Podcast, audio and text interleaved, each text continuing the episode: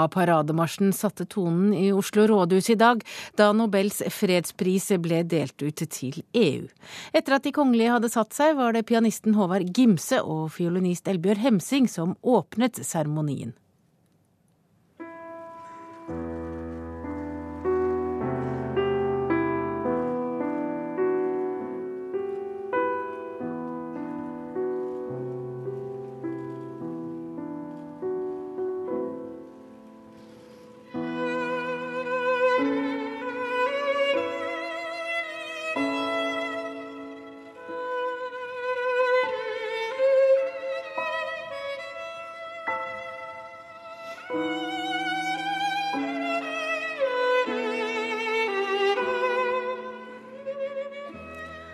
Det var altså Bolls vise av den norske komponisten Ludvig Irgens Jensen som åpnet eh, seremonien. Og Yngve Kvistad, du er mangeårig kulturkommentator i VG. Du var i rådhuset i ettermiddag og fulgte seremonien.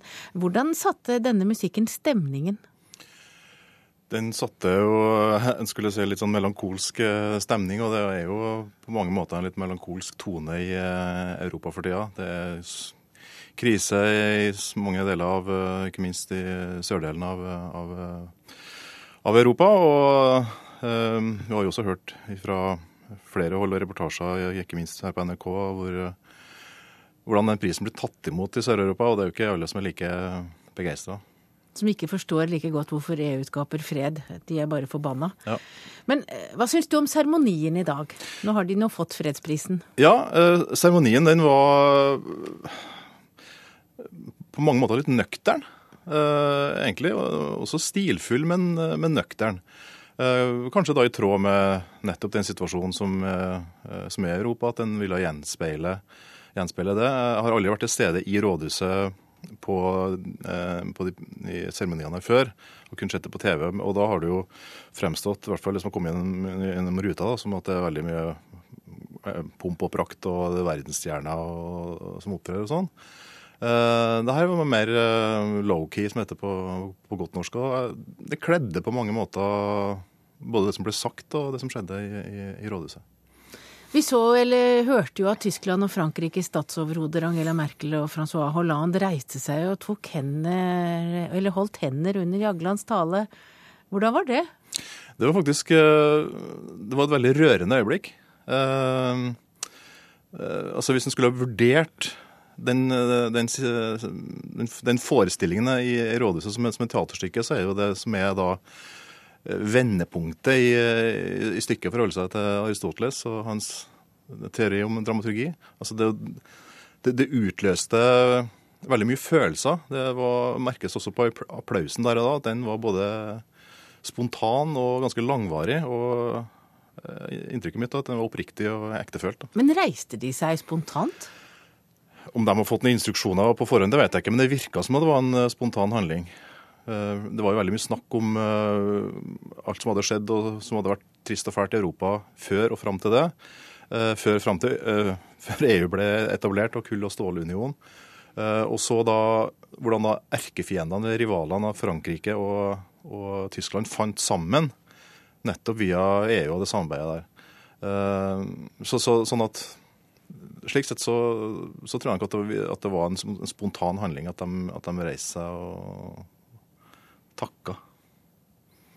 Vi hørte jo eh, åpningsmusikken, eh, Båls vise, men, eh, og som oftest, og i dag også, så var det jo klassisk musikk og folkemusikk. Er det musikk som kler eh, den anledningen? Hadde det vært eh, umulig med noe litt kjappere, mer moderne? Nei, det hadde ikke vært umulig. Altså, han, Obama hadde vel et ønske om uh, Esperanza Spalding skulle opptre. og uh, Nei, men det, det, er litt med den, den stilen over det hele. Det, det, er gjerne klassisk musikk, og det, det er mye mørke dress og, og slips. og det er, sånn veldig, det er ganske konservativt, det hele. da. Så Sånn sett så tenker jeg at musikkvalget også kledde, kledde det som skjedde her. Torbjørn Jagland var jo seremonileder. Han er også leder av Nobelkomiteen, og han åpnet slik. Your Majesties, Royal Highnesses, Heads of State and Governments, Excellencies, Ladies and Gentlemen, Dear Presidents of the main EU institutions, dear Nobel laureate. Welcome to Oslo, to this beautiful city hall, and thank you for bringing so many heads of state and governments along with you so that we together, by handing over the Nobel Peace Prize, can celebrate the fact that Europe, that was a continent of peace over uh, war, has become a continent of, of peace, and that we give the message to Europe that this must not be taken for given. We have to struggle for it every day. Congratulations for the, with the prize. Hvordan klarte Torbjørn Jagland seg i dag? Altså, det er jo blitt hevda med et visst ettertrykk gjennom flere år at uh, Torbjørn Jagland er tilnærma tonedøv. Og det er både en del uh, uh, politikk og opptreden en del sånne ting. Og at dette er kanskje et eksempel på det, jeg vet ikke. Jeg, jeg synes Når det er sagt, så syns jeg at Torbjørn Jaglands tale var fantastisk bra. Det, jeg vet ikke om jeg har hørt den så bra noen gang før. Jeg syns det var en veldig god tale. Det var en gripende tale. Det var en retorisk og poengtert tale. Jeg er egentlig litt imponert. Hva var det han eh, poengterte, eller hva var det han la mest altså, vekt på? Altså, altså, hvordan han hadde bygd opp en, hvordan han snakka om, eh, om forhistoria til EU. Klart det var jo, det var jo også en, selvfølgelig en forklaring på hvorfor EU har fått uh, fredsprisen og EU som fredsprosjekt. Men det syns jeg han gjort, gjorde veldig bra, og med forbilledlig gode poeng og, og, sånn. Så jeg syns at han, han fortjener honnør for, for innholdet i talen, om ikke da utførelsen var, sto til terningkast seks akkurat. EU-kommisjonens leder José Manuel Barroso han la vekt på EU som et forbilde for en ny global verdensorden som eh, fremtiden må bringe. Ga denne seremonien i dag noen visjoner? Noe som kanskje kan stå også etter at lysene er slukket? Jeg syns jo både Barroso og Rompoy var eh, inne på det. De snakka om fremtidige generasjoner, og at fred er ikke, noe, altså det er ikke en absolutt størrelse. Det er ikke noe som skjer Eh, til evig tid. Altså, vi må jobbe for det. Og det er jo helt åpenbart at, at eh, det er neste generasjoner som uh, må, må ta, ta, den jobben. da. Og nå har i hvert fall EU fått sin pris. Takk til deg, Yngve Kvistad, mangeårig kultur kulturkommentator i VG. Og i dag var du altså i rådhuset og fulgte seremonien. Men det deles ut andre nobelpriser også i dag. I Stockholm så deles det ut mange priser, og blant prisvinnerne som er på plass i Sverige, er vinnerne av litteraturprisen, kinesiske Moi Yan. Bjørn Wiman, kultursjef i Dagens Nyheter. Årets litteraturpris har vært uvanlig kontroversiell, men på hvilken måte? Ja, for eh, kanskje første gangen på mye lenge har man innenfor litteraturpriset i år virkelig tvinget hålla två tankar i huvudet samtidigt. Det vill säga man har tvingats eh, både erkänna att Mo Yen är en, eh, en betydande, en stor romanförfattare, en särpräglad romanförfattare i traditionen av Cervantes och Rabelais och samtidigt med detta eh, tvingats eh, ta ställning till det problematiska i att han har gjorts till representant för en regim som har satt i system att fängsla, förtrycka och censurera många av hans författarkollegor. Men, men, har han selv sagt noe om sin holdning til det politiske systemet?